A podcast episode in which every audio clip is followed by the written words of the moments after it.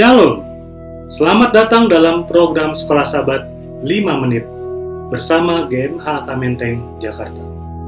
Program ini hadir untuk memastikan jantung kerohanian kita tetap berdetak. Kita memasuki pelajaran Sekolah Sabat yang baru triwulan kedua dengan judul besar Kejadian. Kita memasuki pelajaran pertama dengan judul Penciptaan.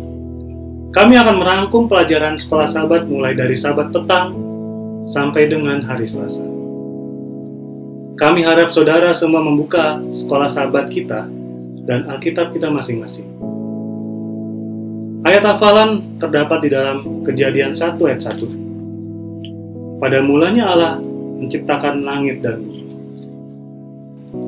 Pekan ini kita akan mempelajari tentang penciptaan dunia ini sejarah manusia dan Alkitab.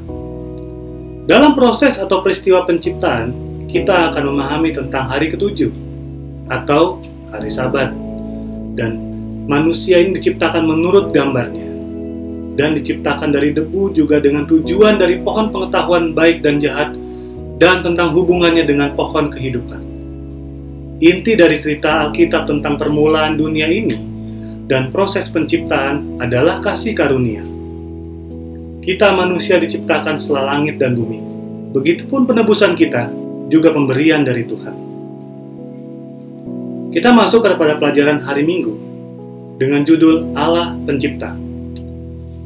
Ayat pengantarnya itu terdapat di dalam Mazmur 100 ayat 1 sampai 3. Isinya adalah Pujilah Allah dalam baiknya Mazmur untuk korban syukur bersorak-soraklah bagi Tuhan, hai seluruh bumi.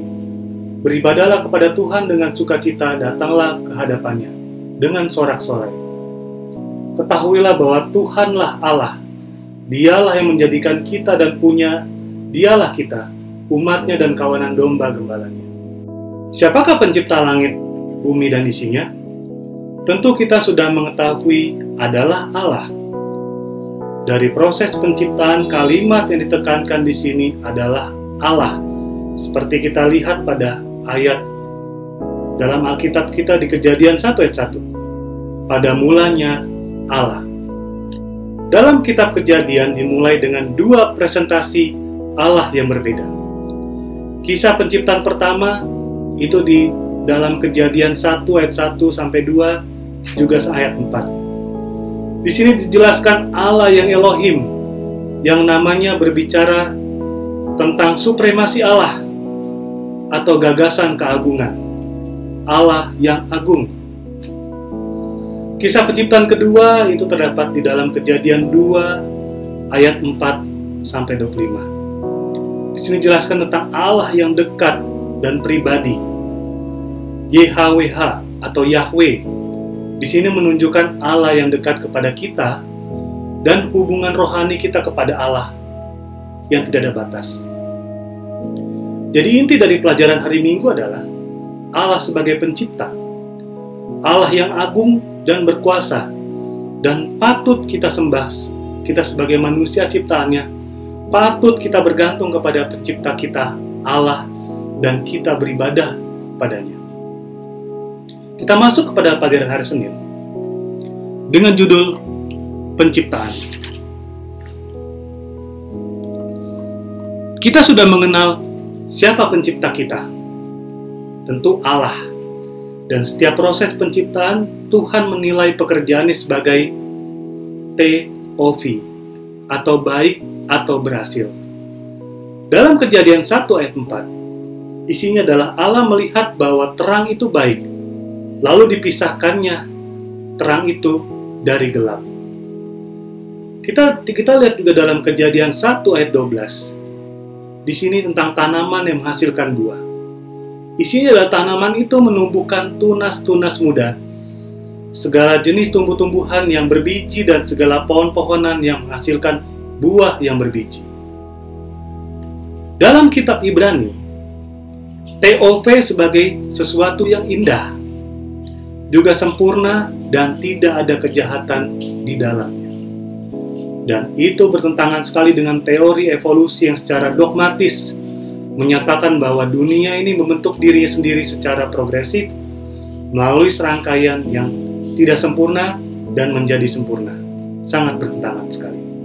Inti dari pelajaran hari Senin tentang penciptaan dengan judul penciptaan menunjukkan jelas sangat jelas bahwa Allah menciptakan dunia ini dengan sungguh amat baik.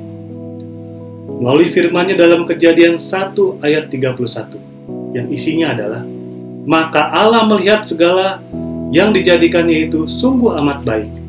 Jadilah petang dan jadilah pagi. Itulah hari keenam. Tiba pada pelajaran hari Selasa dengan judul Sabat. Apa hubungannya proses atau kisah penciptaan dengan hari Sabat?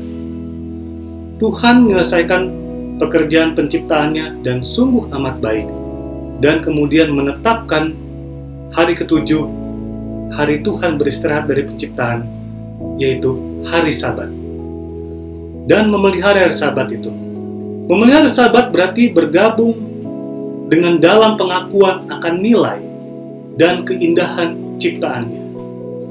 Beristirahat dari pekerjaan kita pada hari Sabat berarti kita sama dengan Tuhan telah beristirahat dari pekerjaannya pada hari ketujuh. Memelihara hari Sabat berarti mengatakan ya kepada penciptaan Tuhan yang sungguh amat baik dalam menikmati dan merawat ciptaan Tuhan. Hari Sabat menandai akhir pertama dari sejarah manusia supaya kita menyadari bahwa Allah telah menyiapkan semua berkat selama enam hari lamanya dan masuk pada hari ketujuh supaya kita manusia jangan mengeluh supaya kita tetap bersyukur memuji muliakan Tuhan pada hari Sabat.